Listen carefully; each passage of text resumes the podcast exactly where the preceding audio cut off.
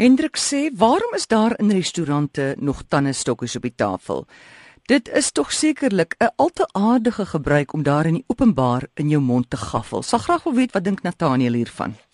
Ek het nog nooit in my hele lewe 'n tandestokkie gebruik nie. Ek het een keer probeer en my gum stukkend gesteek en gebloei baie restaurante se tandestokkies op die tafel want dit word gebruik as jy vir iemand by 'n ander bord wil laat proe, proe hierdie stukkie kaas of proe hierdie stukkie hoender of proe hierdie ding is fascinating wat hulle hier aangevang. Dan gebruik jy 'n tandestokkie by 'n gebruik aan 'n skoon verf of iets om hulle 'n stukkie aan te gee. Dit is heeltemal aanvaarbaar om 'n tandestokkie met jou regterhand te hanteer as jy jou eh, linkerhand bak oor jou mond.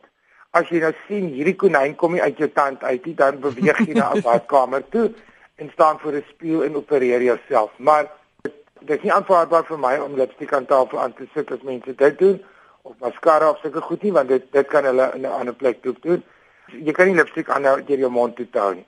Maar as jy dit doen, dis soos om kaugom uit te haal. Jy sit jou ander hand bak oor jou mond. dit word internasionaal aanvaar. Dieter iemand sê Die gewilde manier tans is om kos in klein houertjies op die bord te bedien by restaurante. Byvoorbeeld jou rys is op die bord en die curry in 'n mooi potjie langsaan. Sy wil weet wat is die regte manier van eet? Mag 'n mens maar alles uitskep met die vurk of moet jy dit maar mondjievol daaruit eet? Om 'n een jy die volste reg om te skep net soveel soos wat jy wil hê of 'n paar keer te skep op jou bord en te eet. Jy eet nie uit die klein bakkies uit. Die, die rede hoekom mense dit doen is dit is tradisioneel. Dit klink soos hierdie met die curry vir al die die, die Indiese mense al vir jare hulle kos bedien. Mense is baie vol femies. En omdat ek werk met sulke goed en gewoonlik as jy vir my vra wil jy water hê, sal ek sê asseblief stil sonder ys of suurlemoen onmiddellik in een sin. Dan is daar nie verwarring. Mense vergeet om goed te sê. Net die een eet die rys nie. Daai een eet ontsettend baie rys. Nou het jy 'n bakkie om dit uit jou bord te haal. Jy hoef nie die rys te eet nie, maar dit is die chef se voorreg om te besluit hoe sit hy sy gereg voor. So in plaas van om dit in te skep, kan jy verwyder wat jy nie wil hê nie. Jy kan dit vir iemand anders aan tafel aanbied en jy kan net die hoeveelheid wat jy wil hê gebruik om om dit te doen. As jy almal se femies moet aanhoor en die een wil rys en daai een wil dit en dis ook baie maklik in 'n restaurant waar jy 'n keuse het tussen groente in 'n bakkie of rys op 'n bakkie of aardappelskyfies. Daai goed staan bakkies, dis 'n aparte chef wat dit staan en inskep soos wat die orders inkom en so word dit net op 'n bord gerangskik. Hierdie sous, daai ding, daai ding, daai ding. Dit maak die diens vinniger en meer higiënies in 'n restaurant. So daar is 'n rede vir. Maar jy keer nie die bakkie om nie. Jy vat 'n lepel, jy skep dit op op jou bord en jy eet soos wat jy sou by die huis. 'n Heel anderste vraag hou vinnig hier van anoniem. Jy tree op op die verhoog.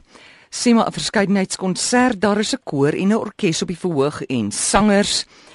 Aan die einde van die vertoning moet jy op die verhoog eh, die mense bedank. Is dit goed om die klank en beligting mense ook te bedank? Hulle was dan nie op die verhoog nie. Kyk, my beleid is jy hoef niemand te bedank as jy hulle betaal nie. O, dit dit is 'n professionele job. As jy aan die einde van die maand almal besand dan staan ons op 'n ruimte sê dankie vir my cheque nie. Ja. Jy jy doen jou werk. Dit is net ook die die die publiek ken nie die mense nie. Hulle verstaan nie regtig wat die klank en die ligte mense doen nie. Dit interesseer hulle nie. Ek bedank hulle van die verhoog af as ek 'n verhoogproduksie doen en dit is die laaste aand van die run. Ek bedank hulle ook elke aand na die tyd voor ons ry. Wat gebeur? Jy maak 'n can of worms oop. Hoekom bedank jy die ligte en die klank?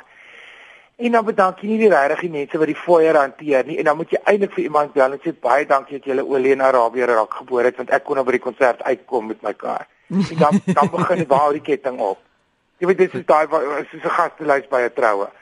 Oor die algemeen bedank jy die mense op die verhoog wat hulle staan langs jou en en dit is vir hulle dis hulle name en hulle wat, wat die publiek bring. Dit is nie breed nie jou my loopbaan is 100% afhanklik van ligte. Dit is my favourite ding op aarde en van die klankman.